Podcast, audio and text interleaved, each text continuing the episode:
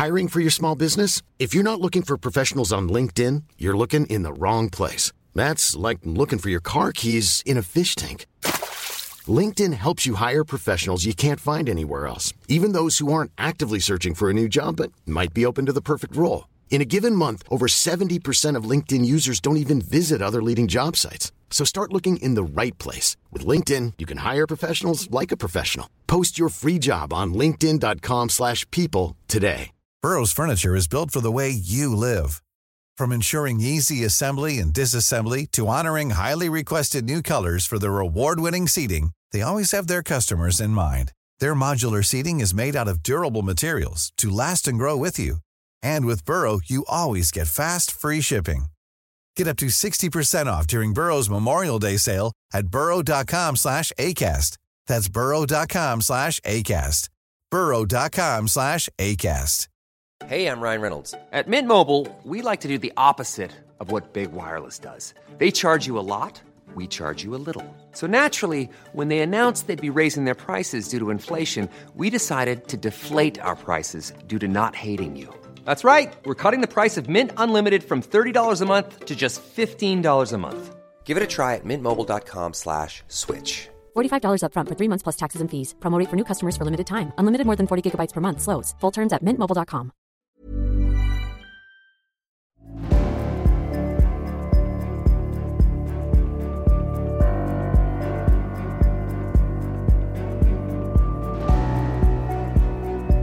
Du lyssnar på podcasten Samtal, en podcast med fokus på fria samtal. Den här podcasten presenteras av tidningen Bulletin. Om du vill få tillgång till samtal sju dagar före alla andra så kan du gå in på www.bulletin.nu och bli prenumerant. Då får du också ta del av hela Bulletins premiumutbud. Kom ihåg att Bulletin också finns som app till både iOS och Android. Länkar hittar du i beskrivningen till det här avsnittet eller på min hemsida www.samtal.ax. Jag släpper nya samtal alla onsdagar året runt och jag tar tacksamt emot tips ifall det finns någon du vill höra i podden. Idén bakom podden är att fokusera på fria samtal. Jag tror att öppenhet är grunden för det demokratiska samtalet och jag vill uppmuntra dig som lyssnar att exponera dig för samtal med någon du inte håller med. Jag heter Jannik Svensson och du lyssnar på podcasten Samtal. Chris Forsne har jobbat som journalist i 40 år och har bland annat jobbat som Paris-korrespondent med fokus på Frankrike, Europaunionen och Nordafrika. Hon är mycket kritisk till svensk journalistik och hur den har utvecklats genom åren. Välkommen till podcasten Samtal, Chris Forsne. Mm, tack. Eh, ja, du vill jag ge mig i kast med detta med en gång. Ja, alltså vi kan väl ändå, när, när jag ändå har satt in det i introduktionen så kan vi väl inleda med att varför du är arg på journalistkåren som du har varit en del av så länge. Ja, alltså jag, jag känner att den kritik jag har nu är egentligen en dubbel kritik. Jag tycker att vi befinner oss i en sådan allmän förvirrad situation i Sverige, för att inte tala om en kris, mångfacetterad kris. Och när vi inte har politiker som lever upp till de förhoppningar jag tycker vi som väljare kan eh, vänta oss att de ska infria, så borde journalistiken åtminstone träda in och sköta en del av den granskande uppgiften. Och jag anser att den är allt sämre och sämre och sämre på det. Jag tycker dessutom att journalistik alltmer har blivit förväxlad med aktivism. Jag skolades i journalistiken i slutet på 70-talet och det har gått mycket rykten om hur det gick till på Eh, journalisthögskolan i Göteborg bara för att Janne Josefsson gick en årskurs över mig och då tror man att det var vänstervridet och det var oerhört aktivistiskt. Men det var det inte egentligen utan det var en grupp journalister som utbildades då samtidigt med Janne Josefsson som bildade en klick som sedan fick stor påverkan på svensk journalistik. Men vi andra som kom efter, vi såg mer att Journalisthögskolan i Göteborg på den tiden, det var en hantverksskola. Eh, betydligt mer än vad den faktiskt var på den, under den perioden i Stockholm. Där var mer ideologiskt innehåll. Eh, men ehm, framförallt så var det ju då att man självklart med en viss distans ändå skulle försöka och inte kanske förhålla sig helt neutralt men åtminstone ärligt till det man skrev, eftersom jag var skrivande journalist under många år. Och det var att man åtminstone försökte att redovisa bägge sidor av till exempel en konflikt eller någon annan, något annat problem. Och mm, det tycker jag har försvunnit i ganska hög grad. Jag tycker man är rätt oförblommat bara skildrar en sida. Och varför har det blivit på det här sättet? Det finns klart en rad förklaringar. Ehm, men en förklaring är dessvärre att journalistyrket har tappat mycket av sin status som den hade. Jag vet att i början när jag jobbade så, om man hamnade på lite bättre middagar av något skäl, så blev man väldigt ofta placerad in till någon som var ja, betydande. Industriledare, politiker, vad det nu kan ha varit. Och de var väldigt intresserade av journalistyrket och hur man jobbade. Idag är det mer upplevelsen att man behandlas som någonting som, eller journalistkåren rättare sagt, eh, behandlas som någonting som katten har släpat in. Det är inte alls samma jämbördiga förhållande de två yrkena, så att säga politiker och journalister emellan. Det är en gradvis utveckling men jag måste dessvärre, Janne Josefsson vet om att jag har klagat på honom för detta, men det var egentligen Uppdrag granskning som jag var kritisk till när de började med dolda kameror och dolda mikrofoner.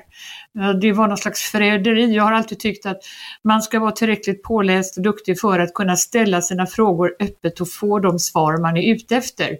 Inte att man ska dölja mikrofoner och som sagt eh, eh tv-kameror för att lura in folk i de svar som man helst vill att de ska ge.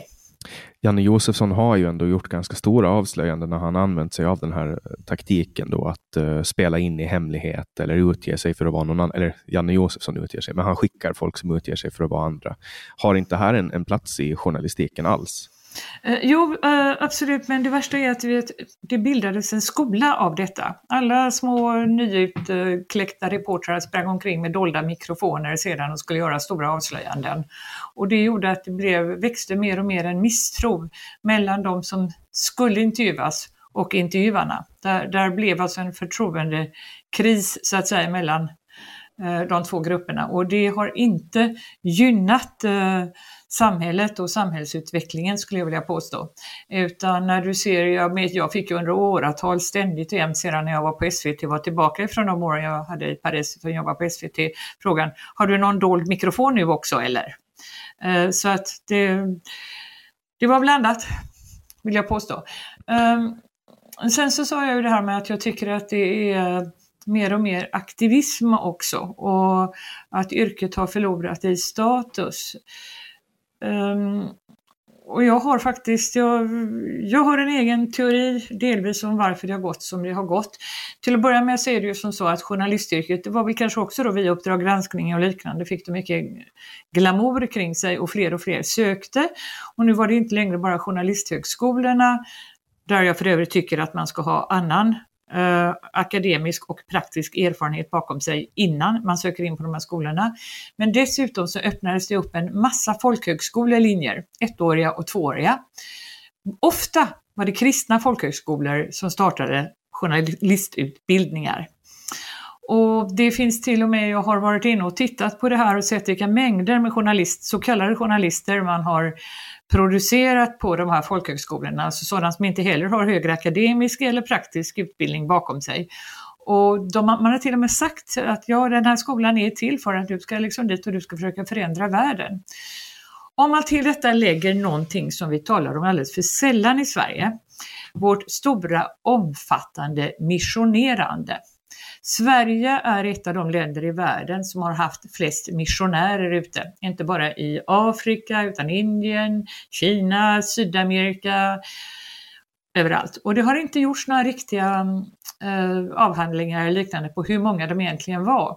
Men kan, man kan prata med i stort sett varenda kyrka och frikyrka och alla har haft Eh, folk ute.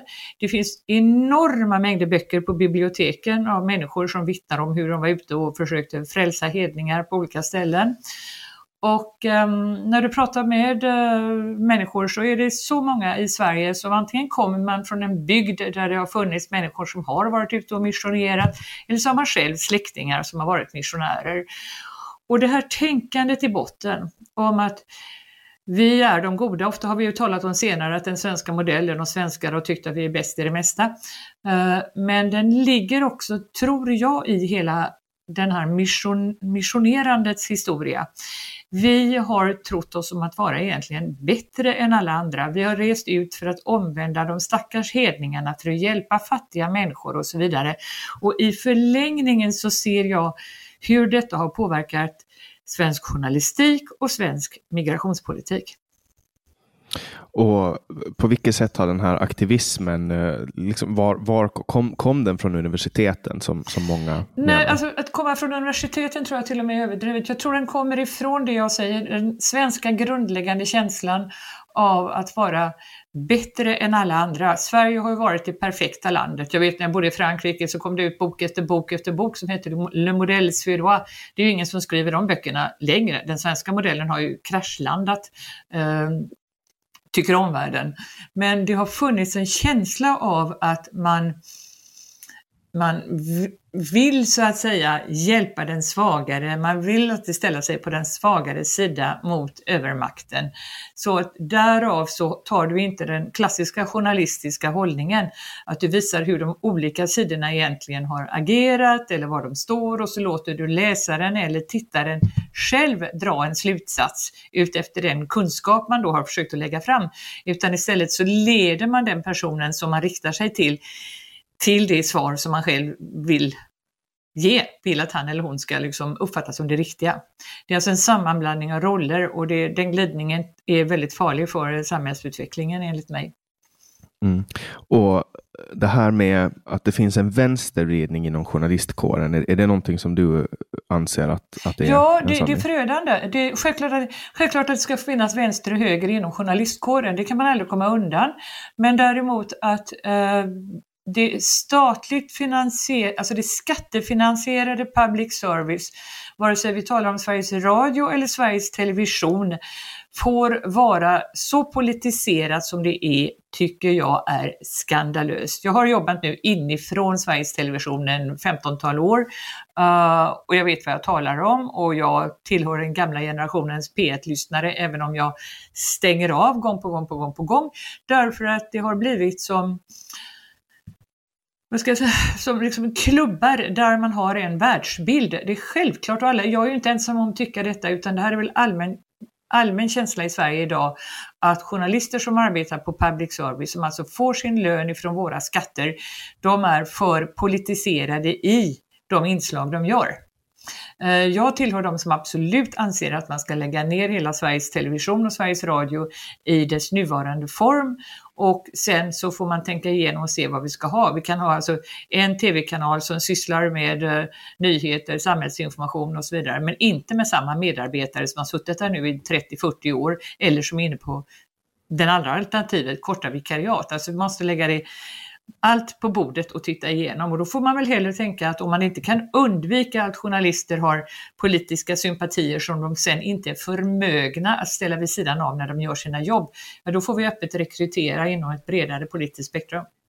Mm. Jag tycker det låter jättebra när du säger lägga ner public service. Det är ju en av mina eh, hjärtefrågor. När kom du till, till den eh, insikten att du ville göra det? Um, så länge sedan så jag kan inte ens komma ihåg det. Jag, eh, efter det att jag slutade som, ehm, som korrespondent i Frankrike, slutet av 90-talet, så mm, kom jag hem, fick jobb på Sveriges Television. Eh, dels som reporter, sen som programledare för ett eh, ganska smalt program som var utrikespolitisk bevakning och eh, vi köpte upp dokumentärfilmer också. Det gick på, SVT hade en del i Kunskapskanalen då, men sen så la man ner det för att man ville lägga de pengarna på citat, som man sa, shiny floors, slutcitat, det vill säga bred underhållning. Men det var en oerhört intressant period för att vi såg vad vi gjorde med lite pengar, Eh, snabbt agerande och så vidare och en, ja, en eh, redaktion där man faktiskt tyckte olika vad vi kunde göra. Men jag såg ju runt omkring mig, såväl då jag satt i Göteborg, men jag var uppe, ofta uppe i Stockholm och känner en massa folk. Och jag är förfärad. Jag var förfärad då och jag är förfärad idag eh, av vad jag ser. Jag tycker att det är skamlikt att vi får ha så politiserade program, att så oerhört mycket pengar läggs på underhållningsprogram som Sveriges Television gör till exempel. Det, du kan inte, det är som om vi vore på 1900-talet och det inte fanns annat än statlig TV att titta på. Men idag har ju folk hur många kanaler som helst och det finns inga ursäkter för att skattepengar ska läggas på underhållningsprogram. Mm. Så att eh, jag har tyckt det här i åratal eh, och eh, jag tycker det blir värre och värre, vad ska jag säga. Men inte ens politikerna vill ju göra någonting åt det för att de är rädda för att de ska få dålig press om de säger lägg ner det. Mm. Vilken form skulle du vilja att public service existerar i? Förlåt? Vilken form skulle du vilja att eh, public service existerar i om den ska om, existera? Om det, om det ska existera så tycker jag att man ska ha, vad det gäller TV så räcker det självklart med en kanal som ska syssla med nyheter och eh, samhällsreportage och där man verkligen måste se över personalsammansättningen och ha någon form av eh, bättre kontrollinstanser än vad man har idag. Jag tror att jag är väldigt emot också att man ska vara anställd inom public service hela livet, att man halkar in. Alltså väldigt många människor som jobbar där kom in på att man egentligen haft förlängda vikariat och sen så har man in, blivit LAS som har hoppat in och så vidare. Va? Men eh, jag tycker att det skulle vara mycket mer att du kan jobba där en 5-6 år, kanske 10, men sen, det måste vara en större rotation det, du bildas annars liksom som ett enda självgott kotteri. Eh, vad det gäller radion så tycker jag eh, att jag bryr mig inte så mycket om P3, P4, P2, men P1 tycker jag är en fullkomligt skandalös vänstervridning på idag. Och eh, jag tycker också att det är erbarmligt att vi bara har egentligen en enda samhällskanal på radio. Eh, bortskämd från Frankrike, eller om man lyssnar på eh, Storbritannien och deras kanaler, så kan du ju byta hela tiden mellan radiokanaler som har väldigt mycket samhälle och kultur och liknande. I Sverige så är det så magert utbud och det är eh, och det är ju inte bara på samhälle, titta på litteraturprogrammet, det är en och samma människa som har suttit i åratal på lördagsmorgnarna och gör litteraturprogram efter sin egen smak. Precis som vi har Babel som är en fast redaktion på TV och ingen utomstående ska våga sig in där på något sätt. Det, det, det, det är extremt gammalmodigt, fruktansvärt tillstängt och det är klart det gynnar ju de personerna som jobbar där, men det jobbar inte tittare och lyssnare. Mm. Nej, men det där, det, där, det där känner jag igen. Vi har ju samma problem på Åland, att de som jobbar med, med liksom litteratur sitter och myser med sina egna favoritförfattare. Ja, liksom. ja absolut. Ja. Det, nej, alltså det borde skulle säga, jag är nästan beredd att rösta på det parti som säger bara lägg ner alltihopa va? och eh, skapa upp något helt annat, modernt och i tiden och se till att vi får en mer fungerande, fungerande konkurrens. Mm. Ehm. Hur ser det ut i Frankrike? Finns public service Frankrike där? har du en eh, det, var så intressant med Frankrike nu, du har, vad det gäller radion så finns det en lång rad radiokanaler. De är, det finns ju dels eh, public service som får kritik, men de har framförallt, eh, det som är public service radio har alltså en kulturkanal där du har oerhört mycket intressanta program där intellektuella människor talar med varandra.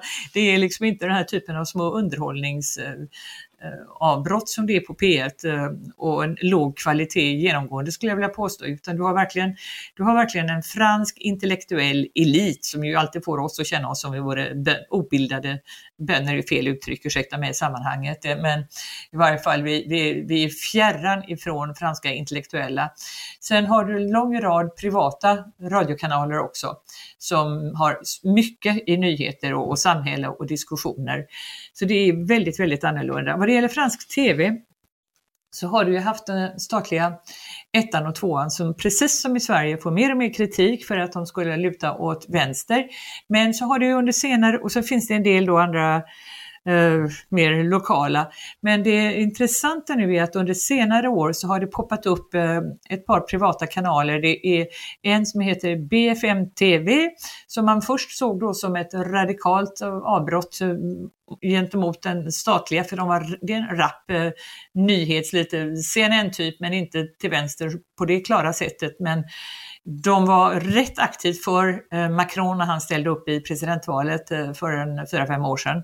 Men sen dess har det startat något som heter C-News också, bokstaven C, alltså News. och den är klart till höger. Den kör alltså diskussioner, olika diskussionspaneler hela dagarna eller, och framförallt och hela kvällarna när folk tittar. Den um, byter ut kanske en gång i timmen eller liknande men det, den uh, visar på. Det är alltså välutbildade människor, olika infallsvinklar, Eh, ibland några journalister, några kan vara eh, jurister, det kan vara poliser, det kan vara sociologer, vad som helst. Men du får en känsla av att du får, de följer nyheterna hela tiden och man diskuterar öppet allting. Och det, jag tror att när, man, när vi sitter nu och pratar du och jag på det här sättet så är det nästan jag, jag önskar så att jag kunde lägga en svensk översättning av en kväll på CNews. För problemen i våra, de här bägge länderna, Sverige och Frankrike, är så lika varandra nu. Så mycket handlar om eh, social oro, om våld, om migration etc. etc. etc. Men i Frankrike så talar man öppet om det. Man diskuterar det, man analyserar det. Medan i Sverige så har vi ju fortfarande att vi lägger locket på. Det finns ju då små försök som ju har svårt att överleva på i mer borgerliga kretsar. Ta som Bulletin eller ta Kvartal eller ta Access eh, där man har ambitionen att försöka diskutera men de får ju inte samma tyngd, de kommer ju inte ut i tv-mediet på samma sätt som de som nu växer i Frankrike, det vill säga C-News och eh, eh, BFM TV. Och man har ju till och med i Sverige nu börjat tala om den här ännu icke deklarerade presidentkandidaten, men han gör det väl snart, Eric Simoure, som är så känd journalist, krönikör, uh, Eh, jobbat på Le Figaro i åratal. Men hans verkliga genomslag kom när han satt och var krönikör varje kväll på just C-News då folk uppfattade honom och så hamnade det på Youtube och så blev det mer och mer och mer. Va? Eh, och så plötsligt så bara så sa han att han tänkte bli presidentkandidat. Han har inte sagt det än offentligt, men han var ju uppe på 17 procent för några veckor sedan. Nu börjar han dala lite, för så här, så han antagligen om en eller två veckor så kommer han att förklara sig som presidentkandidat. Men det intressanta är att man går alltså från att vara journalist, krönikör till att bli presidentkandidat och det väckte alltså ett enormt intresse för han är mycket tuffare i sin eh, som han beter sig. Han beter sig ju inte som en professionell politiker utan snarare som en professionell krönikör. Men nu har han hamnat alltså i en situation där han börjar få en massiv kritik, inte minst från journalistkollegor som kanske inte riktigt gillar att han byter läger. Men vad jag vill säga är bara att det finns alltså en oerhört livaktig, frän, rak samhällsdebatt i Frankrike som jag helt saknar i Sverige. Och om man kollar på till exempel migration och eh, politik kopplat till migration så, så påminner väl den ganska mycket om Sverige? Det är väldigt, väldigt likt Sverige. Alltså, vår...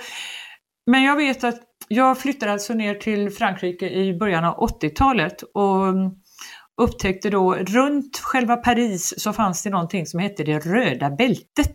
Och det var egentligen de franska förorterna där arbetarna bodde och som var starkt kommunistiska fästen.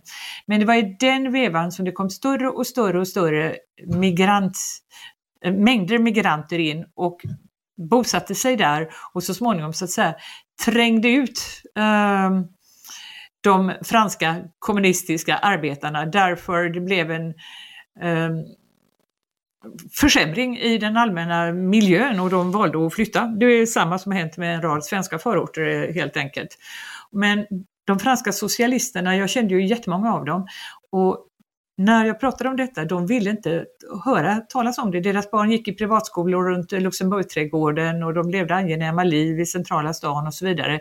Och det dröjde oerhört länge innan de överhuvudtaget ville erkänna att det fanns ett problem med sociala, etniska, religiösa motsättningar. Och då vill jag ändå påstå att när man sedan talar om Sverige så ligger Sverige en 5-6 år efter Frankrike i vad det gäller medvetandet om vad det är som håller på att hända med våra samhällen. Hur hur är Frankrikes nationella eh, självbild? Är den grandios på samma sätt som Sverige? Alltså att man låtsas att man är ödmjuk men egentligen så är man... Eh, uh, Nej, det är inte alls samma självbild. Eh, fransmännen har en stolthet över sin... De skiljer ju klart på nationen och republiken. på det sätt som Sverige inte klarar av att skilja mellan samhälle och stat har vi ju det har man bluddrat ihop i Sverige. Va? Staten är samhället, samhället är staten. Staten har pengar, hör du väl ofta till exempel. Det här, det här är statliga pengar kan man tala om. Men i Frankrike som sagt så är man oerhört stolt över sin republik. Nationen som sådan håller man fast vid också, men det är framförallt så nämns det hela tiden de republikanska värdena. Man pratar alltså om den demokrati man har byggt upp. Frankrike utmålas kanske av folk som ett uh, självgott Eh, samhälle där de tycker man är bättre än alla andra. Jag vill inte säga det när det gäller Frankrike, men däremot så är man, man är stolt över den franska kulturen, man är stolt över det samhälle man har byggt upp. Man talar medvetet öppet om att Europa, Frankrike och Europa bygger på en, som man använder som ett ganska vanligt uttryck i Frankrike, på den judisk-kristna grunden. Och därmed kommer ju allt annat så att säga som vi arbetar fram via filosofer, författare, vetenskapsmän och så vidare. De menar på alltså att alltså, det finns en väldigt tydlig europeisk identitet eh, och då inte minst som sagt i Frankrike som ju har haft många av de historiskt tunga namnen. Och man säger också då ifrån högerhåll idag att den identiteten är hotad. Den är hotad av islam för att islam tar sig, islam är ju inte bara en religion så som dit du går till moskén på fredagar, utan det är en, i hög grad en religion som även har en samhällelig aspekt. Så vare sig det gäller juridiken eller det gäller andra sociala bitar.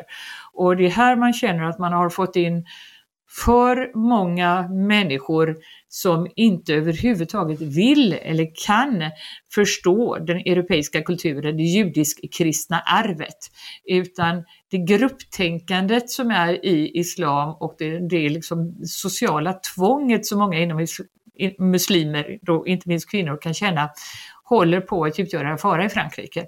Du har alltså hela städer, förorter som man säger idag, är republikens förlorade territorier. Områden där eh, franska lagar, eh, fransk, eh, franskt sätt att leva inte längre har någon plats. Och det är självklart att den som är tydligast, länge var det Marine Le Pen som var den som talade om detta. Men nu är det ju framförallt då den här Erik Zemmour som är väldigt tuff på detta område, så tuff som många, liksom, i synnerhet vänstern, vill slå ifrån sig. En del av vänstern, framförallt då med Jean-Luc Mélenchon som har många av de muslimska väljarna, vill ju inte höra talas om detta. Men Frankrike, allt fler i Frankrike ser detta som en stor identitetsfråga. Och har jag förstått rätt, alltså det är lite svårt att jämföra hur många migranter, flyktingar, olika grupperingar som finns i ehm, procentuellt i det franska samhället jämfört med det svenska. Men om man ser franska siffror så är siffran i Sverige betydligt högre. Alltså det är födda utomlands eh, det är väl någonting på 19 procent i Sverige. Och det är en bit till där som gör en skillnad och det är att de flesta av de som kommer till Frankrike kommer från tidigare antingen departement eller kolonier. För man får inte glömma att Algeriet var alltså inte en koloni, det var ett departement, det var en del av Frankrike. Men, och därför kunde man lättare så som algerier ta sig in i Frankrike också. Så det här är en migration som har pågått länge och inte minst var den ju då också under en period en, någonting som franska arbetsgivare man importerade folk, inte bara då till Frankrike utan Belgien, Holland har ju samma sak, precis som vi i Sverige tog in väldigt mycket människor från Finland till exempel. Va? Men det gör ändå att miljoner av de här människorna i Frankrike, de talar franska. Och många av dem kommer ifrån en bakgrund där de har ett hum om fransk administration i och med att Frankrike i så hög grad påverkade sina kolonier vad det gäller det administrativa så var det inte som när de kom till Frankrike att de damp ner på en fjärran planet. Och där har ju Sverige en mycket svårare ställning. För om, om vi tar den stora gruppen somalier, vad är det, 110-120 000 somalier om jag minst i Sverige. De har ju ingen relation till svenska språket, de har ingen relation till svensk byråkrati eller administration och då blir det ännu svårare för dem att kunna uppleva sig som en, eller ens ha ambitionen som en del av det svenska samhället. Och allt det här har vi ju framför oss. Så Frankrike klagar redan idag över att trots att deras migranter kan språket, även de från Afrika söder om Sahara, trots att de kan språket och lite om administrationen så säger man det här är kört, vi klarar inte av, det blir ingen och då säger man inte bara integration utan i Frankrike får du även lov att använda begreppet assimilering. Målet är assimilering. Medan i Sverige har ju nästan assimilering från Socialdemokraternas och Vänsterns sida sett som någonting negativt. Ja, man försökte ju, man gjorde ju ett det stort försök. Målet, men det, det är sånt som när man skriker rasist och fascist efter folk ibland så är det ju när någon pratar om assimilering. Ja, alltså det gjorde man ju under förra valrörelsen så, så försökte man få det här så tabu som möjligt att prata om assimilering. Och, och min take på det handlar om att man, man har liksom försökt komma bort från själva diskussionen som handlar om, alltså för att man vill liksom inte ge plats åt den diskussionen. För att assimilering är ju väldigt enkelt egentligen. Alltså det handlar om att vissa saker så måste man assimilera. Som tvångsgifte till exempel. Det får inte plats i svenska samhälle eller något europeiskt samhälle överhuvudtaget och det måste man assimilera. Men, men i Sverige när, när någon ens nämnde ordet assimilering, då, då var man liksom Satan själv. Ja, och det bottnar återigen i svensk eh, lättja, intellektuell lättja och okunnighet och lite det vi var inne på tidigare när jag sa att vi sitter där uppe och tittar ner på de stackarna som ska som ska räddas av missionärerna ungefär. Va?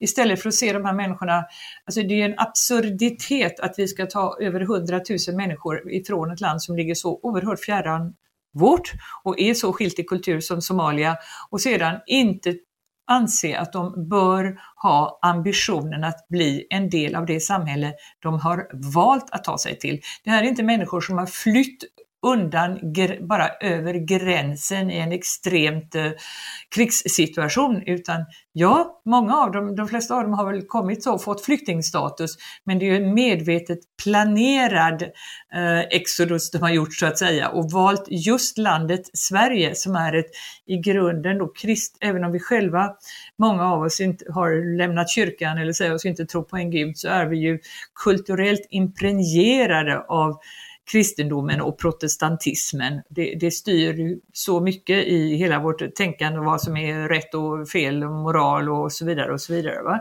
Och den här clashen försöker man ju hela tiden ifrån framförallt Socialdemokratens sida, för det är ju de som har haft makten, bara skjuta framför sig och låtsas som den inte finns. Och det blir ju värre. Nu poppar den ju upp hela tiden med det extremt eh, snabbt växande våldet i Sverige, men man har ju inte velat låtsas om det. Men det kommer ju komma en dag när det, det inte går att låtsas längre. Mm. Och hur, hur är det här i, i Frankrike som i Sverige hade varit väldigt länge tabu att prata om, eh, om, om flyktinginvandring och så vidare, att man man har blivit klassad som rasist om man har gjort det. Har det varit på samma sätt i Frankrike, att man har liksom kastat rasiststämpeln på folk? Ja, absolut. Vänstern kastar eh, rasiststämpeln på högern, men högern skiter i det därför att uh, högern är så pass säker i sig själv på sina värderingar och sin intellektuella förmåga och sitt sätt att vilja se på samhället. Uh, högern eller en stor del av borgerligheten så att säga, skäms inte för sig. Till skillnad från i Sverige där man inte verkar våga eh, tala om dem. Det är ju, varje dag i Sverige så är det så som kejsaren är naken på något sätt men ingen vill erkänna det. Eh, det är, denna, och det är därför jag tror att den här depressionen man upplever så mycket i det svenska samhället just nu som bara brer ut sig, det är också att det finns det finns ingen som det verkar vara tillräckligt stark politiker eh, eller visionskraftig politiker utan de politiska partierna är ganska ense. Bara det här, ja det som vi följer just nu med de här så kallade förhandlingarna mellan Vänsterpartiet och Socialdemokraterna och så Centern på andra hållet. Alltså människor orkar ju inte med detta och så Liberalerna mitt i det hela som går ut storvulet och ställer krav medan alla vet att de i princip kommer att försvinna till nästa val. Och så undrar vi var någonstans är Moderaterna? Sen ligger Sverigedemokraterna lågt just nu för att inte reta upp någon om det är som så att de kanske kan komma närmare makten och få mer inflytande. Det, ehm, det är ju det här man brukar kalla för kartellpolitik. de spelar för sig själva. Det är, alla lever på skattepengar, partierna lever på skattepengar och bidrag och ingen vill ta för stort ansvar annat än möjligtvis Socialdemokraterna som alltid vill ha makten för maktens skull. Men det känns ju inte som Moderaterna är extremt makthungriga. Ehm, det är ett... Eh, jag tycker att man förråder folket helt enkelt. Och om man, om man kollar då på att Frankrike ligger före Sverige.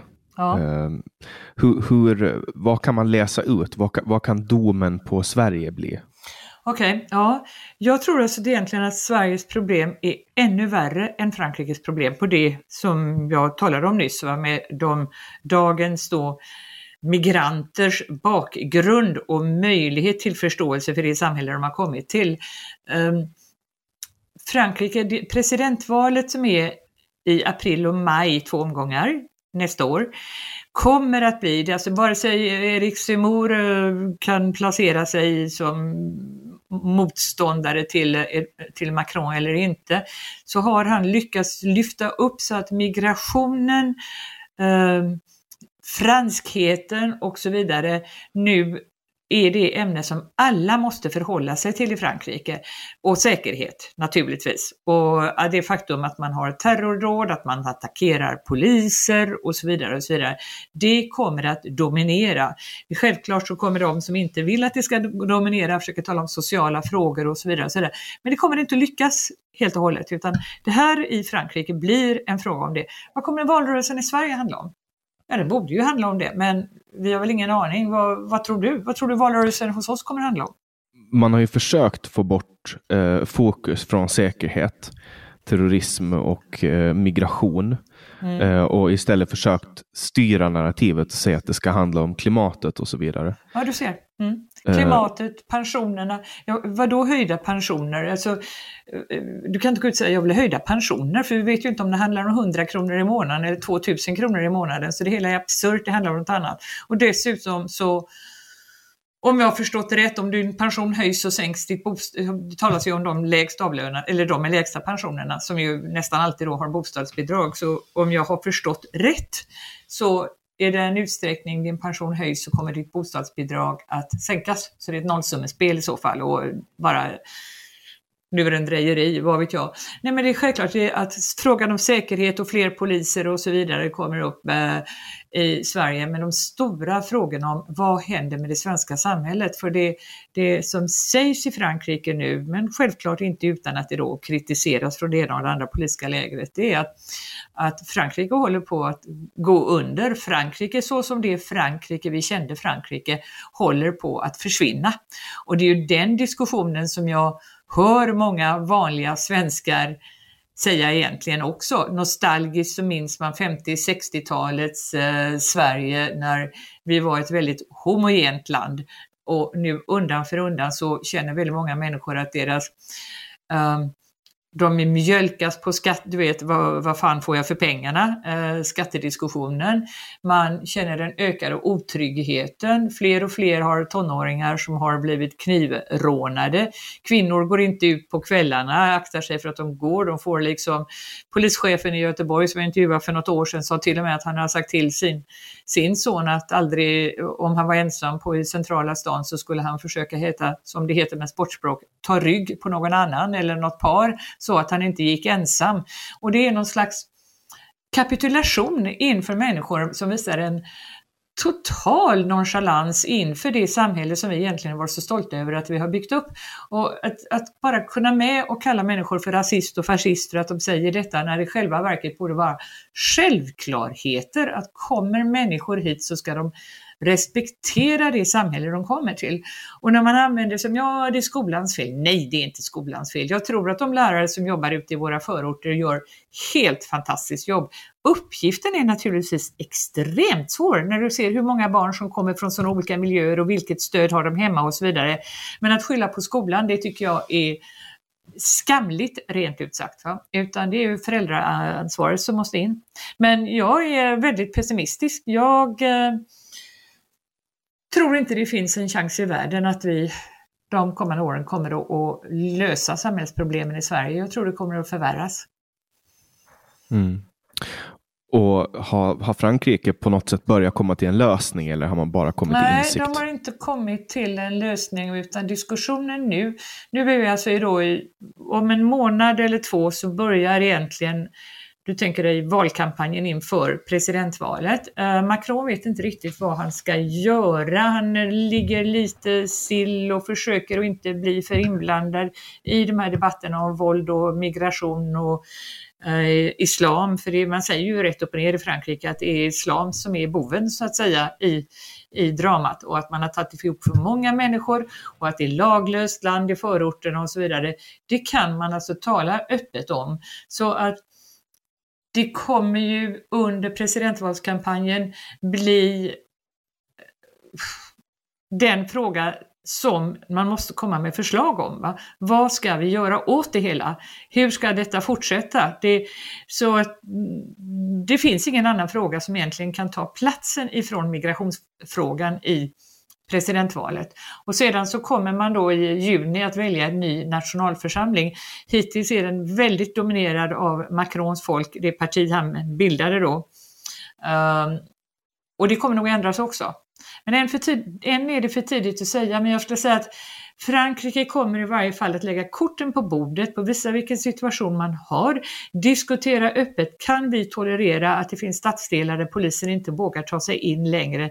Kan vi tolerera eh, denna brottsvåg som sveper över landet? Kan vi tolerera att det är hela städer där sharia är viktigare än fransk lagstiftning? Eh, det här har ju folk pratat om att det är på väg att hända i Sverige. Men, men det du säger nu, det är alltså en beskrivning av verkligheten. Att det finns förorter där sharia är viktigare än lagen. Mm. Ja, det är självklart. Ja, ja. Det är förorter. Trapp är en stad, eh, till och med Saint-Saint-Denis, alltså där, där eh, de gamla franska kungarna ligger begravda i basilikan. Hela den orten, har, eller då förorten, när man ska kalla det, har blivit i stort sett helt islamiserad. Ehm, du har en stad som heter Trapp som ligger norr om Paris. Eh, jag kommer inte riktigt ihåg hur många invånare, om det är 40-50 000. Men som är så starkt muslimskt dominerad nu så att eh, kvinnor kan inte gå omkring i korta kjolar och högklackade skor och sånt där på, på gatorna. Släpps knappt in på kaféer och så vidare. Så att fransmännen flyttar ut och, och, och lämnar och så blir det då egna enklaver där man lever så som man gjorde i sitt eh, forna hemland. Mm.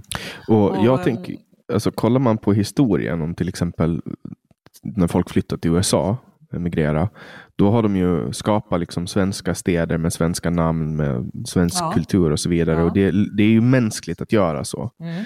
Uh, det som Men man skapade inte egna lagar. Man, försökte smälta, man lärde sig engelska ja, så vitt man kunde. Och mm. man tog till sig amerikansk lagstiftning.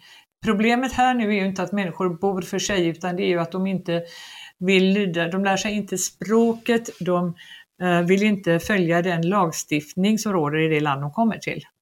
Mm. Ja, alltså det som är problemet i hela den här debatten är att folk liksom viftar bort problembilden ja. så lätt och säger alltså, ja men vi ska ha human flyktingpolitik. Men hur humant är det egentligen att, att ta in en jättestor Eh, andel människor som sen fortsätter leva i en kultur som inte alls stämmer överens med vår. Alltså just det här med eh, hedersförtryck och, mm. och tvångsgifte och sådana saker. Det är vansinne. Alltså ursäkta men jag står för det. Det är vansinne. Och det beror alltså, botten är ju den självgoda svenskheten som trodde, det, du vet Angela Merkel är ju känd för att ha sagt vi är schaffen das när det kom den stora flyktingvågen 2015. Va? Men eh, den svenska är ju likadan. Eh, Margot Wallström brukar alltid berätta en historia om hur det var i Bryssel och när svenskar kom ner till Bryssel och satt med sina europeiska kollegor för att diskutera olika, inte utmaningar, men problem skulle jag vilja påstå. Och då gick det laget runt och italienarna du vet, tyckte dittan och rattan och holländarna si och så, spanjorer något annat och så kom det till svenskarna och då enligt Margot Wallström så sa svenskarna alltid en och samma sak. Why don't you do like we do in Sweden? Mm. Och det är väl lite den inställningen. Vi har alltså Fransmännen har i alla fall varit gamla kolonisatörer, precis som britterna. De känner till de länderna och kulturerna varifrån de människor kommer som har migrerat till deras länder. Vi i Sverige har ju ingen aning annat än som missionärer just. Va? Så vi begriper inte den avgrund av olika kultur som kulturen och religionen och så vidare medför. Utan vi tror ju att bara de kommer hit och får bidrag så blir de goda svenskar. Men det fungerar inte på det sättet och framförallt du ser i Danmark som har stramat åt så oerhört mycket mer än Sverige och där man nu river förortsområden och man har tuffat till det med att asylansökningar ska göras i Rwanda är det väl och så vidare. De, de är ju realistiska, de säger vi måste få de personer som har kommit att kunna ta sig in i samhället. Jag skulle påstå att i Sverige, det är kört. Mm. Jag kan inte förstå hur det ska kunna gå annat än om eh, det blir alltså någonting som inte finns inom svensk politisk tradition, att vi drar in bidragen. Alltså drar in retroaktivt? Nej, alltså från och med nu. Nu måste ni, nu ska ni... Uh, jag bor nära Kungsbacka, det har varit en diskussion i lokalpressen nyligen.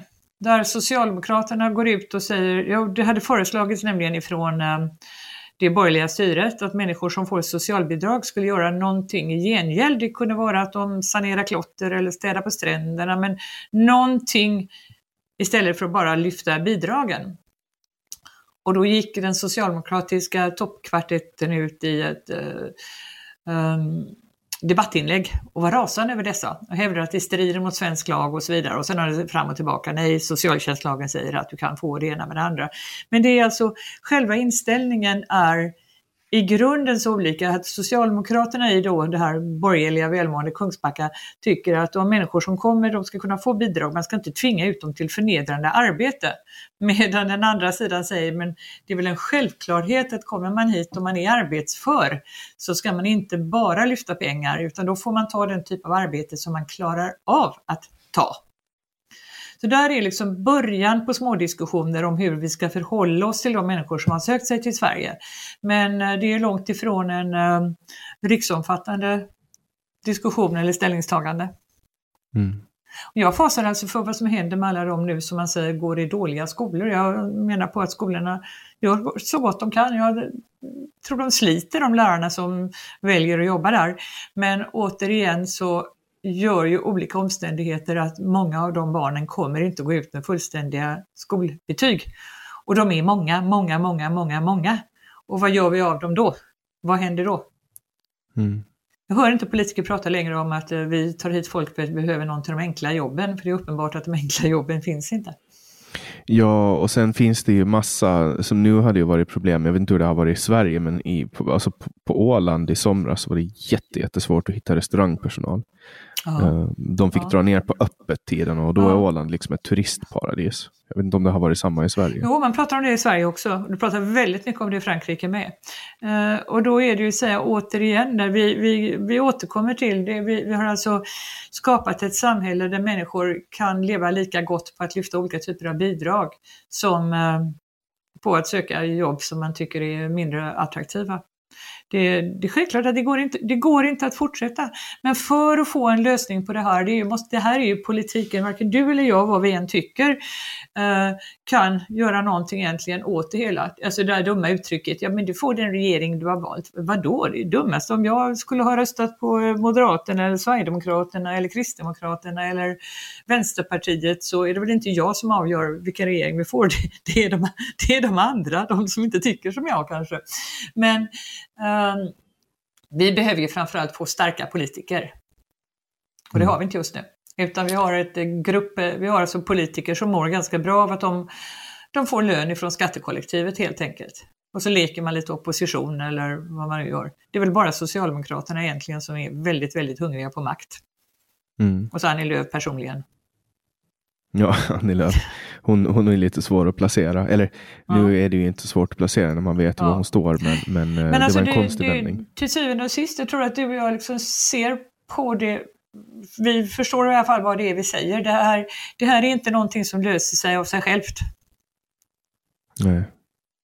Nej, och, och, det är ju handlingsförlamning nu. Det är ju ingen som riktigt vill ta tag i det här. Och sen ser jag nu i tunnelbanan de här skyltarna där Ulf Kristersson står och ser bestämd ut och så står det dubbelt så högre straff gör det hälften så attraktivt att bli gängkriminell och sådana saker. Och Ja, det, där är är ju bara, det där är ju bara, det där är ju bara tomma plattityder. Ja, liksom, slogans. ja, visst. Men alltså folk röstar ju inte på Moderaterna längre i, så hög utsträckning utan de röstar emot socialdemokratin.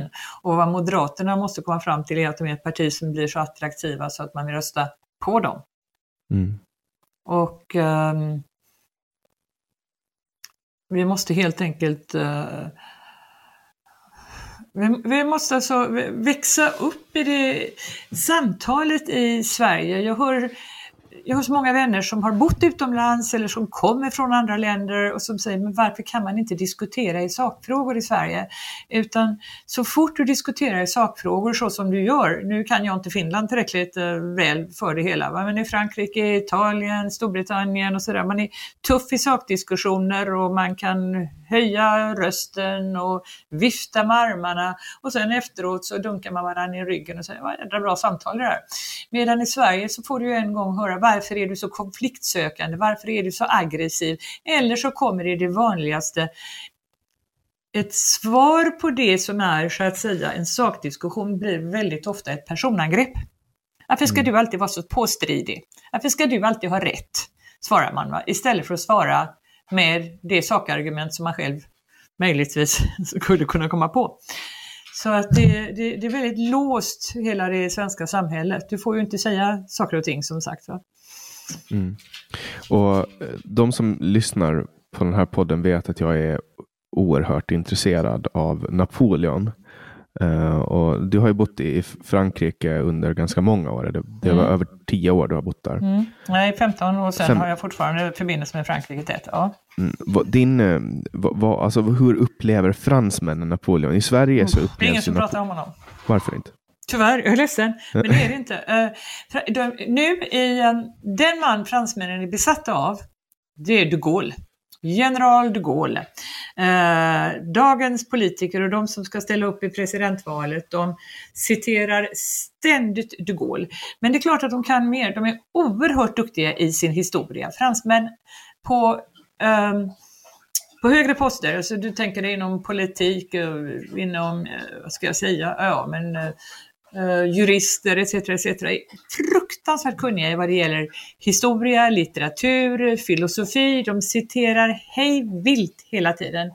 Jag glömmer aldrig när jag var med på eh, jag var i Egypten med samtidigt med en bunt franska journalister och vi hamnade vid, eh, i Konungarnas dal och så vidare. Och de journalisterna började rabbla de olika faraonerna och jag stod där och kände mig förfärligt obildad. Men alltså själva bildningsnivån när du kommer upp till en viss nivå i Frankrike är sanslöst hög jämfört med Sverige. Sen vet jag inte om de har sunt förnuft, men de har i varje fall en hög bildningsnivå. Mm. Men, men eh, Napoleon, tyvärr, eh, måste jag erkänna att eh, nej, han är inte särskilt inne. Det enda närheten till Napoleon man märker av, det är väl när franske presidenten, till skillnad från svenske statsministern, verkligen hedrar offer eh, som har fallit, ja, vare sig det är poliser eller militärer som har fallit offer för terrorism. Då brukar man ha en stor eh, ceremoni på invaliddomens innergård med presidenten och hela gräddan av det franska etablissemanget. Som man verkligen hyllar, som till exempel polisen som sköts ihjäl i Göteborg. Du kan tänka dig liksom vad i Frankrike, vilka hedersbetygelser han hade fått. För att inte tala om de här poliserna som brann upp ihop med Lars Vilks som liksom bara försvunnit ut i ingenting. Ingen pratar om dem, vi vet ingenting om det. Där hade man alltså gjort någonting oerhört stort och även om det är en vanlig bilolycka så var det ju män som arbetade i statens tjänst för att eh, skydda medborgare och det hade man gjort en ceremoni av. Mm. Hur, Så eh, att tyvärr, jag är Alltså i, Sver- I Sverige så uppfattas ju Napo- Napoleon som en, eh, ofta som en, en brutal eh, krigsherre och sett ur, ur Ja, men han är liksom inte tillräckligt, de har så många va? Du vet, så att han är förpassad till, till historiens, inte glömska, men alltså han ligger Jag har hört fler som har citerat slaget vid Poitiers 732, alltså där fransmännen vann mot morerna, än vad 732 hittar jag på nu, blev så trött nu så jag tappar bort mig i årtalet, nej det ska det väl vara, eh, äh, än Napoleon. Jag tror inte han är särskilt kontroversiell, det är väl det. Mm. Ja, eh, jag har ju, jag har ju grottat ner mig oerhört mycket. Jag pratade nyligen med David Lindén i, i podden om, och då pratade vi ganska mycket om Napoleon, också om svenska, eh, svenska kungar, men speciellt Gustav Vasa. Men, men min, min fråga, som jag, eller som jag, min uppfattning i alla fall att fransmännen ser på Napoleon som vi ser på Karl XII, eller som svenskar ser på Karl XII. Ja, men det kan vara rätt jag. Det kan vara rätt. Har du läst den här boken som skrevs av en göteborgsk tandläkare? Nej.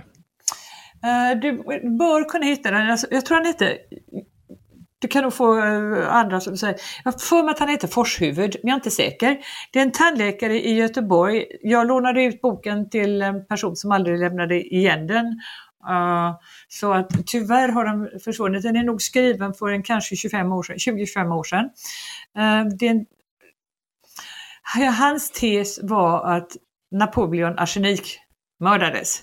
Så hela boken handlar om hur på Sankta Helena på hur man undan för undan, alltså egentligen då, men vad hela friden, hade han inte fått tag på en bit hår?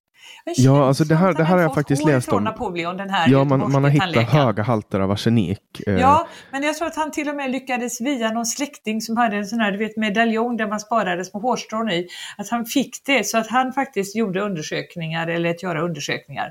Den, du, du kommer att kunna hitta den boken, den är väldigt fascinerande. Ja, jag har hört det där. Det, alltså, men sen tror jag också att, man, att det, det, finns ganska bevisat att han dog av magcancer. Man åt ju väldigt mycket saltat kött på ja, den tiden. Jo, så det var ju, um, men, men, det skulle inte förvåna mig om de för, för, alltså Nej, men boken, menar, är du, är du, Tycker du Napoleon är spännande så kan det vara värt att läsa boken. Det var med så, så jag tänkte. Ja. Mm, nej, men absolut, jag har, ju läst, jag har läst väldigt många böcker om, om mm. Napoleon, men det finns ju så sjukt många skrivna också. Um, Verkligen, ja. Men, men som sagt i övrigt så um, men ser du något slut på den här politiska korrektheten? Alltså att det, är det som satanistbubblan på 90-talet i USA, att den spricker och så slutar folk prata om det? Jag har väldigt svårt att tänka mig att den situation vi befinner oss i idag med slöflingor och woke och BLM och metoo och hela rubbet som dominerar så, och för att inte tala om eh, klimatfrågorna, eh, att det ska kunna fortsätta i all oändlighet. För det mesta så kommer det ju någon form av backlash eller som eh, franska, för att vi ska hålla oss till lite den franska anknytningen, så alla franska skolbarn får lära sig när de ska lära sig hur de ska lägga fram sin sak eller du vet får ett ämne, en uppgift, så får de lära sig tes, antites, syntes. Mm. Och det är väl lite, jag tycker att nu är vi i en woke och klimattesperiod och sen så blir det väl någonting som slår tillbaka för att jag tror att det är väldigt många som börjar få lite väl mycket av det hela nu och sen hamnar vi förhoppningsvis i någon form av balans. Men, eh, men just nu så, så ligger det en förödande censur, vill jag påstå, över det, det allmänna samtalet på en rad områden. Mm. Eh, jag tycker självklart att metoo behövdes men ibland går det lite långt.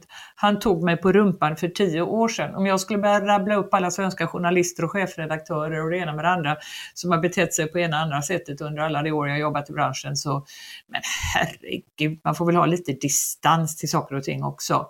Eh, det är löjeväckande. Och det är på samma sätt som jag hör nu, och var det Kamala Harris som hade gått ut och kritiserat eh, domen igår mot den unge killen i USA som hade vet, skjutit eh, eftersom det hette sig självförsvar. Men jag anser inte att en amerikansk vicepresident ska gå ut och ta ställning i en sån fråga när domstolen har fattat ett beslut. Men det är hela den här alltså woke-andan som sprider sig på ett sätt som gör att det eh, mer och mer så utmålas ju vänstern som den goda sidan som alltid har rätt och högern eller till och med en centerhöger är den onda. Och Alltså det är bara barnsligt. Sluta, lägg av. Kan vi bete oss som vuxna människor? Mm. Um, så nu, nu för tiden, uh, nu har du ju lämnat uh, public service. Vad, Ja, jag sa upp mig. och, vad, vad var det som fick dig att, vad var liksom droppen? Jag stod inte ut med det ehm, jag stod inte ut med det politiska, politiseringen av nyheter och samhälle, av den extremt eh, sjuka miljön som rådde på grund av chefer och mellanchefer. Ja, Utan det... Jag hade för mycket vad jag tyckte var liksom min vanliga journalistiska hederlighet för att kunna inlämnas i någonting som jag upplevde som eh, censurerat och politiserat. Mm. Och jag är inte den enda, och i synnerhet inte min generation. Jag tror att yngre generationer är mycket mer slavar under arbetslivets så att säga, villkor just nu. Det är, de jobbar ofta med dåliga arbetsförhållanden eller har gjort det i flera decennier. Det gjorde väl vi också, men jag tror att vår tilltro på oss själva var kanske så pass eh, ordentlig. För jag började alltså min journalistbana på GP, som den göteborgare jag var så fanns det ingenting annat. Men sen sa jag faktiskt, så flyttade jag till, Paris- till Paris och sen så för att jobba något år som korre eh, samtidigt som jag läste arabiska. Men sen sa jag faktiskt upp mig. Så att jag valde att frilansa från Paris, men ofta då, du vet, som stringer att man frilansade regelbundet. Det är naturligtvis en jättenyttig skola. Du står och faller med dig själv. Så jag hade ju en rad arbetsgivare, Sveriges Television, eh, GP, Aftonbladet, eh, Stockholmstidningen när den fanns, en nyhetsbyrå som hette FLT och så vidare. Och eh, man har lärt sig att det är ens professionalitet som gör om man klarar jobbet, inte det fasta faktum att man sitter med en fast anställning utan man står och faller med sin egen arbetsinsats helt enkelt. Och det sitter väl sen lite i ryggraden hela tiden och när jag då kom till SVT och var fastanställd på SVT så skulle jag alltså passa in i ett fyrkantigt system där jag inte tyckte att det som var min journalistiska nerv och mitt förhållande till var mitt yrke innebar, att jag kunde leva upp till det. Så att eh, då lämnade jag. Mm. Och vad, vad skriver du för nu när du Vad jag skriver, vad jag gör nu? Mm. Ja, dels så skriver jag lite för er på Bulletin. Och eh, sen så eh, håller jag på med en bok, men det vill jag inte säga mer om just nu. Mm. Har du skrivit några böcker innan? Eller Oh, ja. Det har jag gjort. Ah, skulle du ha läst på? Ja, jag vet, men, men du vet. Eh, nu får du skämmas lite. Jajamän. ja, men jag försöker ju också att göra så lite research som möjligt för att jag vill Ja. kunna ta vinklar som andra inte Ja, har tagit. Ja, ja.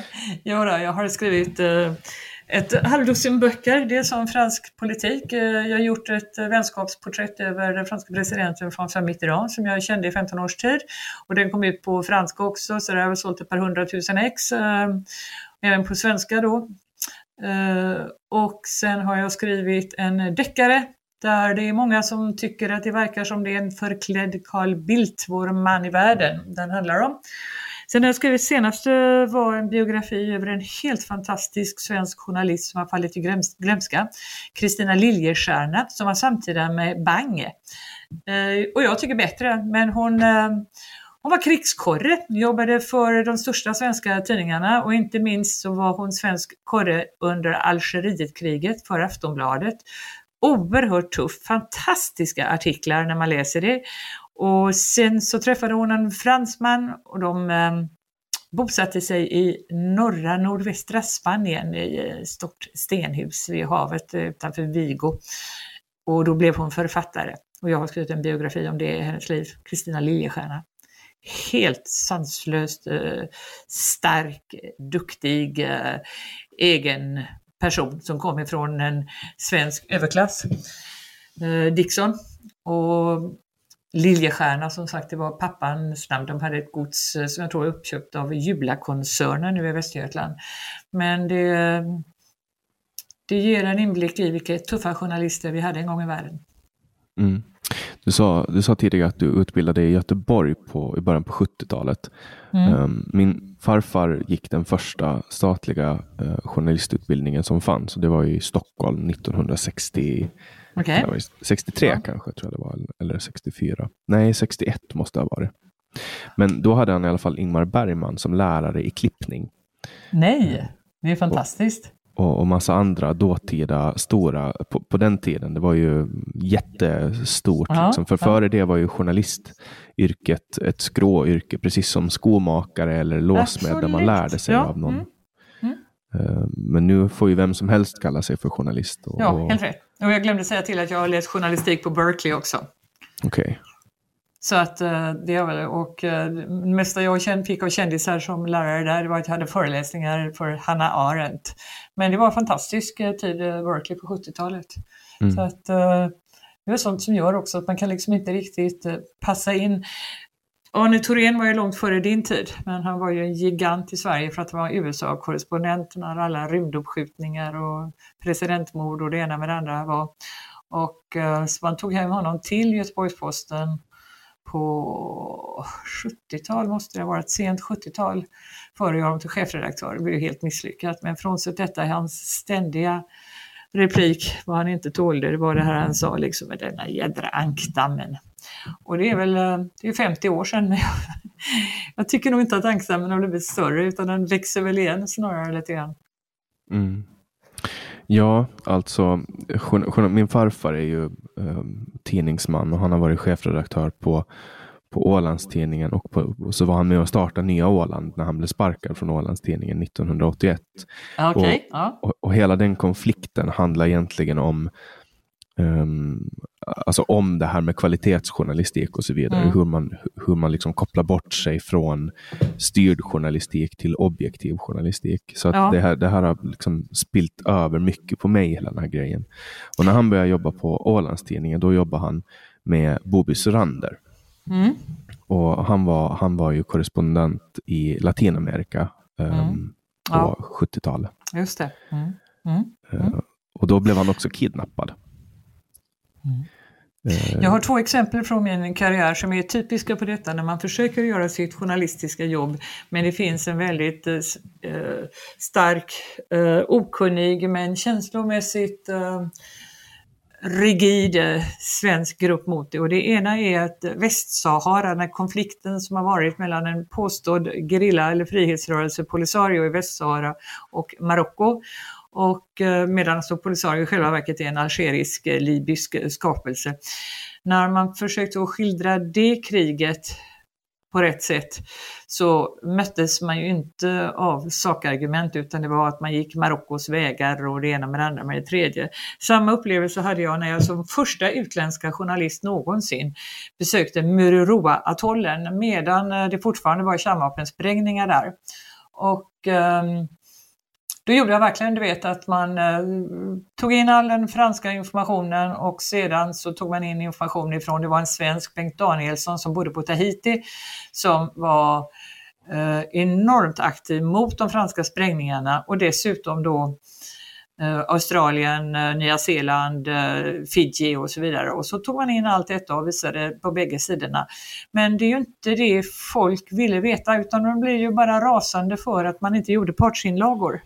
Och då hade Margot Wallström som, herregud vad, vad var hon då, hon var minister eller någonting.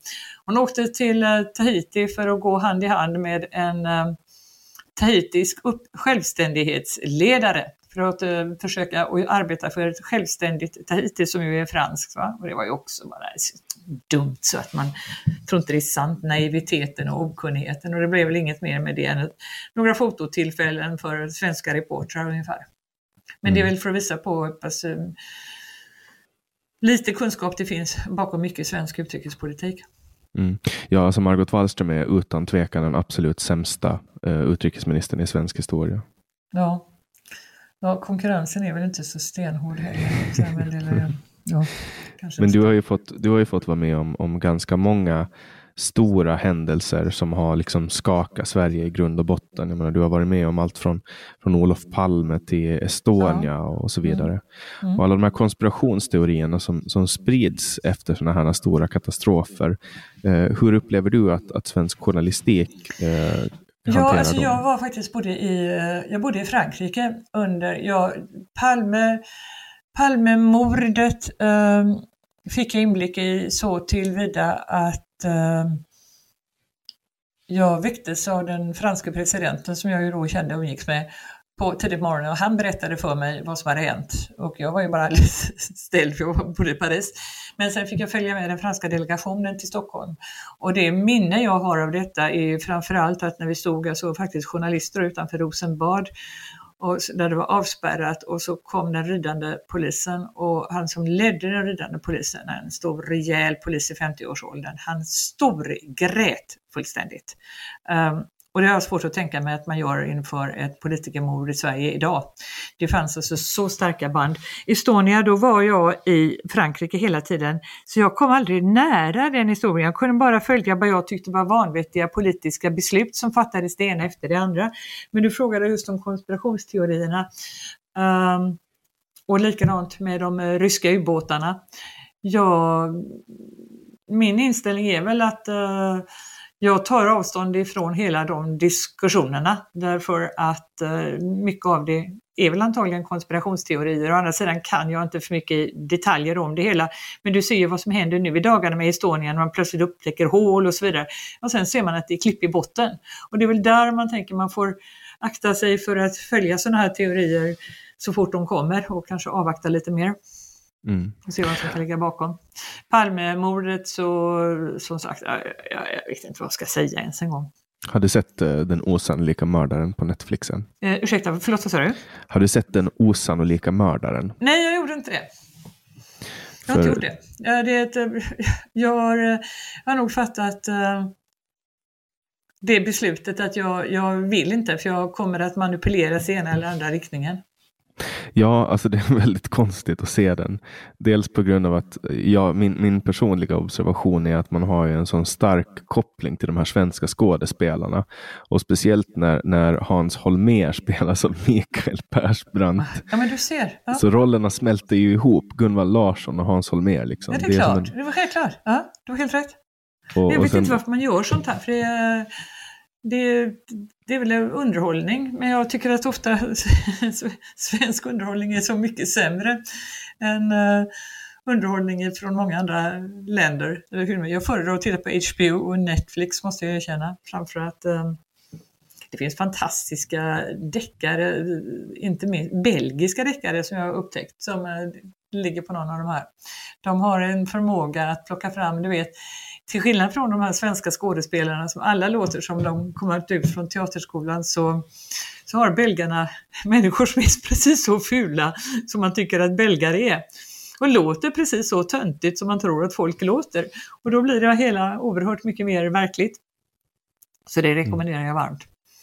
Ja, det, alltså jag, jag funderar på, alltså nu när intresset är så högt för Palmemordet igen. Alltså först gjorde ju de här, det här katastrofala när de la ner förundersökningen och sa att det var Skandiamannen, vilket är jättekonstigt. Hela den cirkusen var jättekonstig. Men nu när man släppte det här, jag har sett så många olika, eh, olika artiklar om folk som säger att, att, eh, att det var inte alls Skandiamannen utan det var ryssarna. Det var inte alls Skandiamannen, det var Christer Pettersson och alla har liksom, alla, alla sågar den här teorin om Skandiamannen och alla lyfter fram sina egna teorier. I början var det PKK.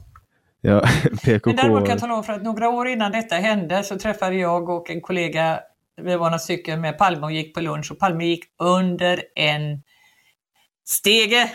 Och vi skrek åt honom, gå inte under stegen, det betyder otur. Och så gjorde han det ändå. Ja. Mm.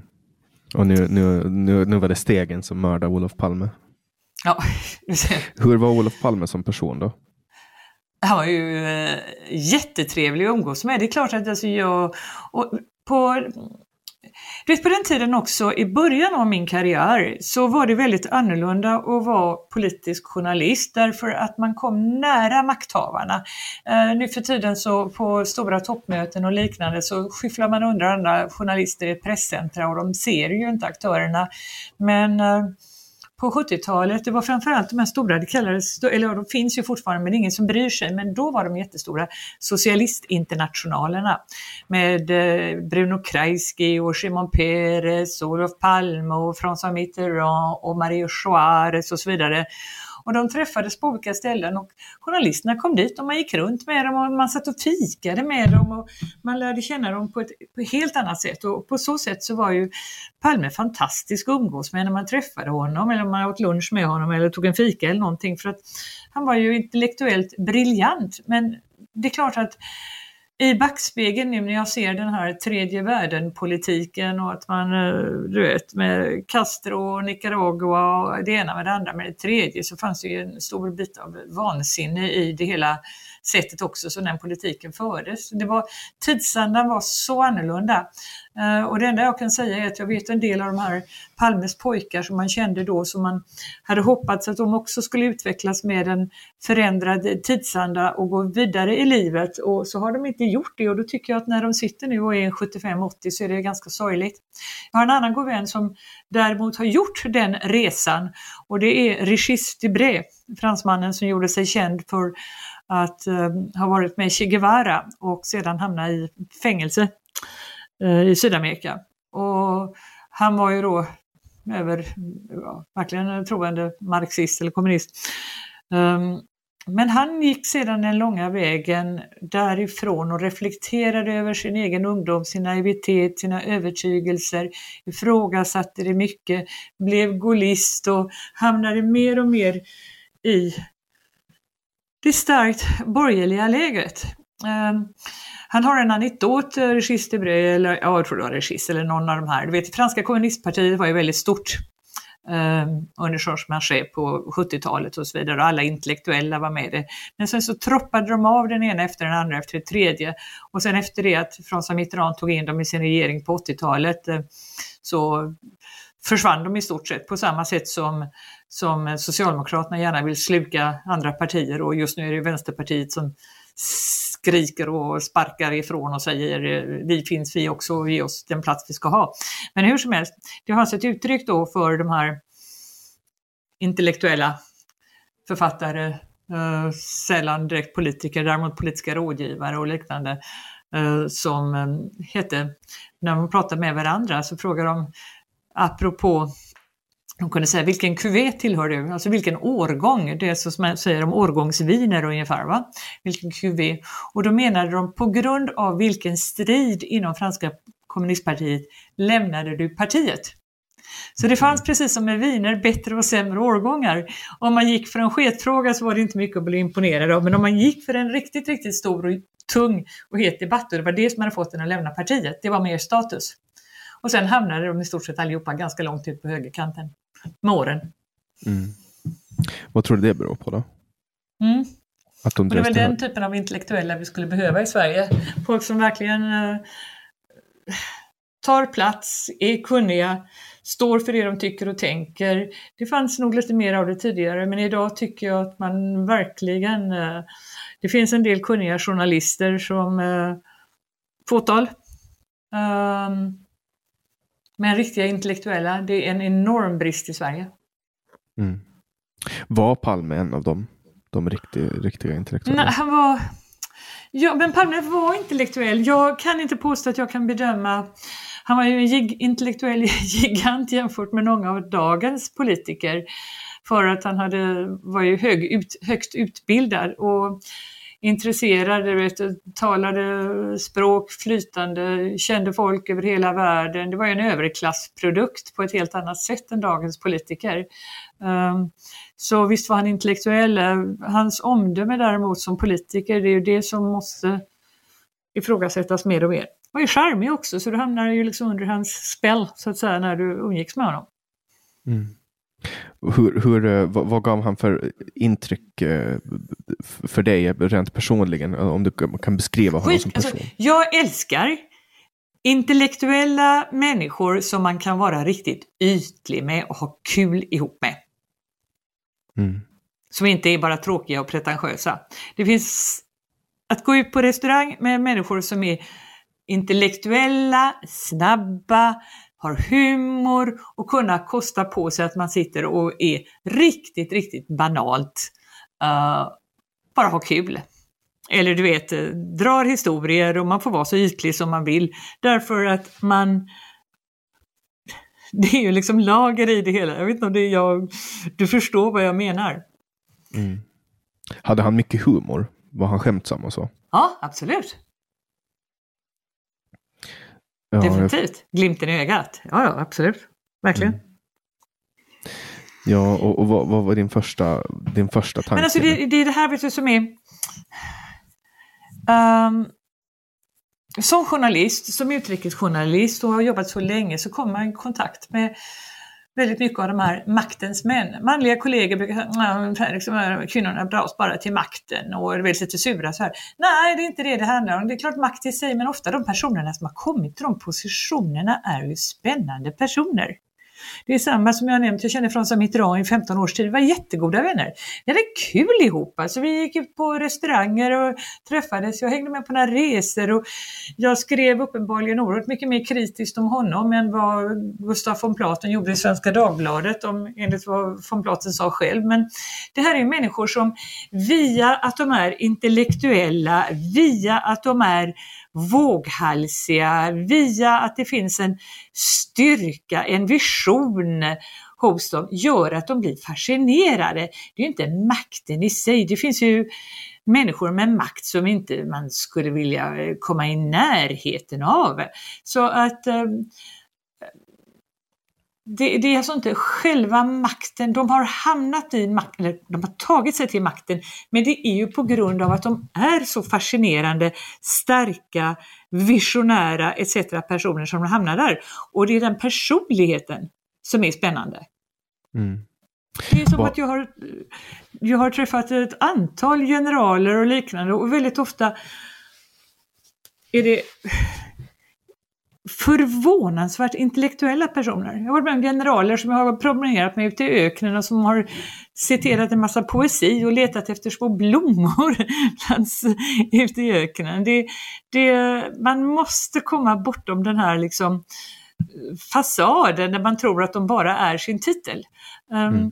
Därmed inte sagt att alla som når en hög position eller har en hög militär status är fascinerande.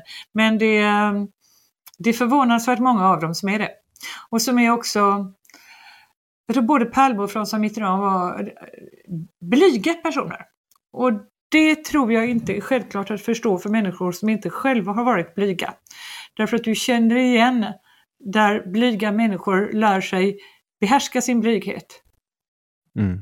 Så att den framstår som en säkerhet men den ligger egentligen inom ganska specifika ramar, du vet i det allmänna umgänget där du klarar dig dagligen så tränar du bort din blyghet men den finns där under och den kanske bottnar i en känslighet också.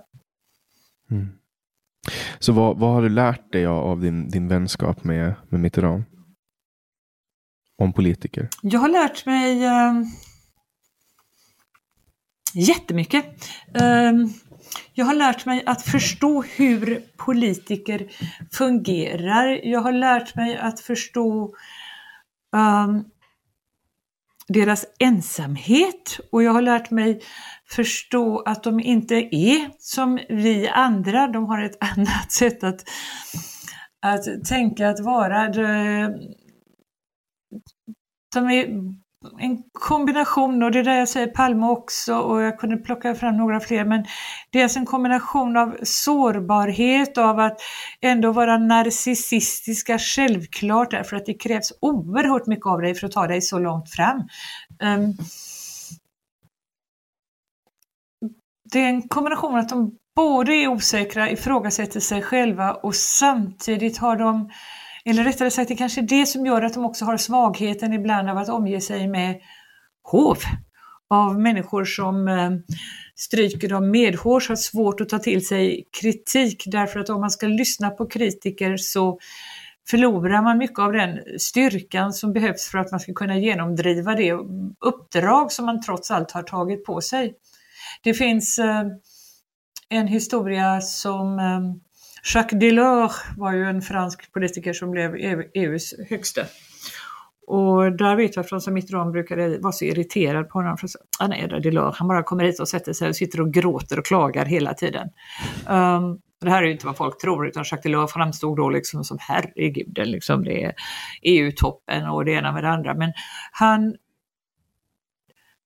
när han då förtvivlade över hur ska jag ro detta i land så hade han ingen annan att gå och sätta sig och gråta hos mer eller mindre än sin gamle vän presidenten som inte ville ha hans svaghet för att då avslöjade han ville stänga av den här typen av svagheter som han själv hade sina egna. Det, eh, men det man, man pratar med de här människorna om det är ofta inte de stora politiska frågorna utan det är små frågor i livet eh, som att åka och köpa extra saltat smör i Bretagne eller när slår törnrosorna ut och så vidare. man får inte glömma de mänskliga sidorna men de, de finns i väldigt små speciella fack. Och som sagt, jag tror att en av de sakerna jag nämnde för dig nyss, det här att ändå svagheten hos dem ofta är att de omger sig av med ja-sägare. Mm. För Var... att de behöver bli smickrade i sin ensamhet och inte ifrågasätta sig själva för mycket för det, kan, det är farligt att göra. Mm. Hur var ditt första möte med Mitterrand? Med François Mitterrand? Mm. Det var på Socialistinternational, Bommersvik. Ehm, alla kollegor, alla satt, vi skulle följa det här Socialistinternationalen och um, då skulle naturligtvis DNs journalist som vanligt ta en egen exklusiv intervju. Jag tror det var med Shimon Peres, israelen. Och alla vi andra sprang runt och tänkte, vem kan vi intervjua? Någon tog Bruno Kreisky och någon tog Willy Brandt och så vidare. Och jag tänkte, vem fasen ska jag ta då? Och så senare än alla andra så kom, eh, skulle François Mitterrand komma. Och då tänkte jag, vad var det jag skulle fråga? Jo, jag skulle fråga honom om det var hans ställningstagande i Israelfrågan. Så var det ja, det var någonting med Peres, jag minns detaljen. Så han kom och eh, då hade jag nog frågat Palme eller Pierre Schori. Jag vet att när han kommer så kan jag väl säga till honom att jag vill ha en intervju. Så de ledde honom fram till mig och sen satt vi och pratades runt i ett par timmar. Hade mm. trevligt. Och um, så sa jag att jag frågade honom naturligtvis och intervjun blev av, men det var alltså småprat också. Och sen så sa jag, men vi kanske kan ses nästa år, kanske jag kan få intervjua er inför då, då var han socialistledare, han var inte vald till president än. Så sa jag, jag ska flytta ner, det var alltså bestämt till Paris. Så jag kanske kan få träffa er igen och intervjua er om under presidentvalskampanjen. Och då tittade han på mig och så sa han, men fröken, talar ni bara politik, älskar ni inte livet? Så det blev eh, titeln på den bok jag gav ut eh, sedan som var eh, som skrevs egentligen efter det att han dog, om de 15 åren där hans, om honom så att säga va? och hur han, fransk politik och honom som person så att säga. Det, sen gavs den ut på franska, vilket mm. ju var bra det med. Ja, och jag vet ju att du har skrivit den här boken, så jag, jag visste att du var författare, eh, självklart. Mm, mm. Um, Men du får läsa Vår man i världen och se vem du tror det är jag skriver om. Det är ja, en thriller. Där, där, där, där finns väl han. Det är Carl Bildt. jag fick inte ta död på honom på slutet. Det ville inte förlaget. Så um, han överlevde, som ni har sett. Ja, vad, vad, vad, tycker du om, om Carl Bildt och hans ja, Carl Bildt har jag känt också. Eh, jag, vi var goda vänner, eh, många trevliga middagar, inte minst i, eh, eller många, många, ett rad trevliga middagar i Paris, om inte annat ihop när, när han var statsminister och det ena med det andra. Kort sagt, jag kände honom och jag är jättebesviken över hur han har utvecklats. Jag tyckte han hade potential för att bli en betydligt klokare person. Mm. Det är ju min, eh, ända sedan jag startade den här podden så hade det varit mitt uh, uttalade mål att ha med honom uh, i den. Ja. Men har inte, så långt har du inte kommit än?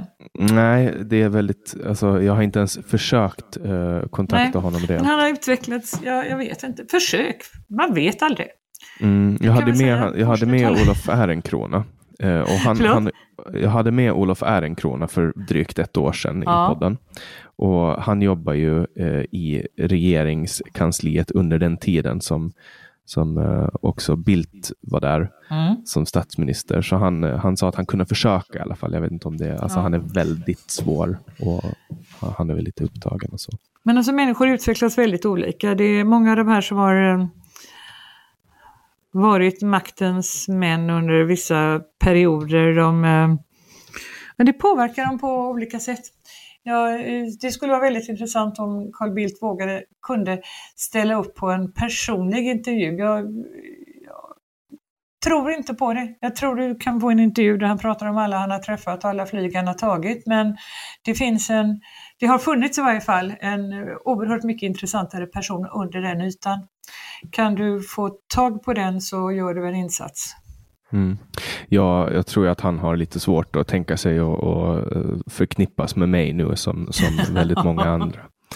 Men, men det, det, Äsch, folk, folk är så pretentiösa. Mm. Ja, men det där går i perioder. Jag var ju ja, personen de grata ja, ett tag på Åland. Så, mm. så, att det där det löser sig. Men eh, ja, inför det här så var, var du lite rädd att, att, vi, att vi skulle få slut på saker att prata om. Och nu har vi pratat i nästan en och en halv timme. Ja, men det är väl ganska bra att avrunda det då. Jag känner det, jag har en liten... Uh... Mm. Nej, men för, för jag tycker att det har varit jätteintressant att, att, att höra också en, en journalist som har liksom gått över till den onda sidan så att säga, alltså den sidan som inte ja, helt... Du, det, det, här är jätteviktigt. Uh, det här vill jag verkligen säga uh, jag är inte på någon sida.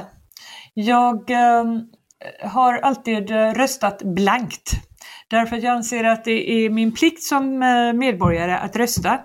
Och jag har ansett att jag bör inte um, rösta på ett parti. Jag måste försöka att förhålla mig någorlunda neutral. Jo, jag har röstat en gång. Jag har röstat på min egen son som är en mm. oerhört begåvad ung moderatpolitiker. I det gänget, det var en helt eh, gäng unga människor som drogs in i politiken under Reinfeldt 1 som man brukar kalla det. Och sedan blev oerhört besvikna på honom under den andra mandatperioden. Men de kom in och de kom in i MUF och eh, rätt många av dem har gått vidare i politiken sen på olika sätt. Eh, han ställde upp som riksdagskandidat, min son, vad kan han ha varit, 24, 25 någonting, kom nästan in, inte riktigt. Men eh, han arbetar med lokal, med, eh, han är politiker eh, i Kungsbacka nu och Eh, jag har all respekt för honom, för hans moral och integritet. Så att jag kan tänka mig att rösta på min son igen. Mm. I Ställer han upp i riksdagsvalen jag att hålla mig. Ibland så är mina uppfattningar klart till vänster, ibland klart till höger. Jag försöker att ta ställning i varje fråga. Jag skulle omöjligtvis kunna bli en partiarbetare för att uh, man kan inte stängas in i ett läger i en ideologi utan samhället och alla frågor som uppstår är alldeles viktiga. Man måste bara ta ställning till dem undan för undan när de kommer. Mm. Uh, och Det jag menar med onda sidan, det är ju alltså alla som inte fogar sig för Socialdemokraterna och ah, uh, ja, men då är jag ond. Då är det mm. helt okej. Okay. Inga problem med detta. Mm. Utan uh, det, mottot är att försöka vara så ärlig mot sig själv som det går hela tiden och inte gå i någons ledband någonsin. Mm. Vad bra. Då tackar jag Chris Forsne så mycket för att du var med i podcasten Samtal. Tack.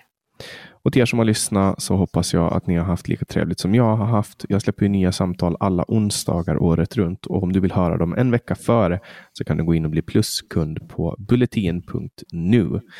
Eh, jag kommer att fortsätta publicera de här samtalen och nu närmar vi oss jul och nyår och om någon av dem infaller på en onsdag så kommer jag ju såklart att spela in och släppa poddar ändå.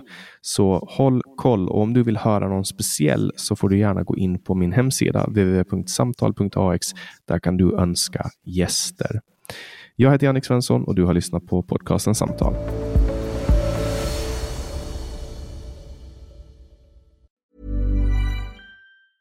Planning for your next trip?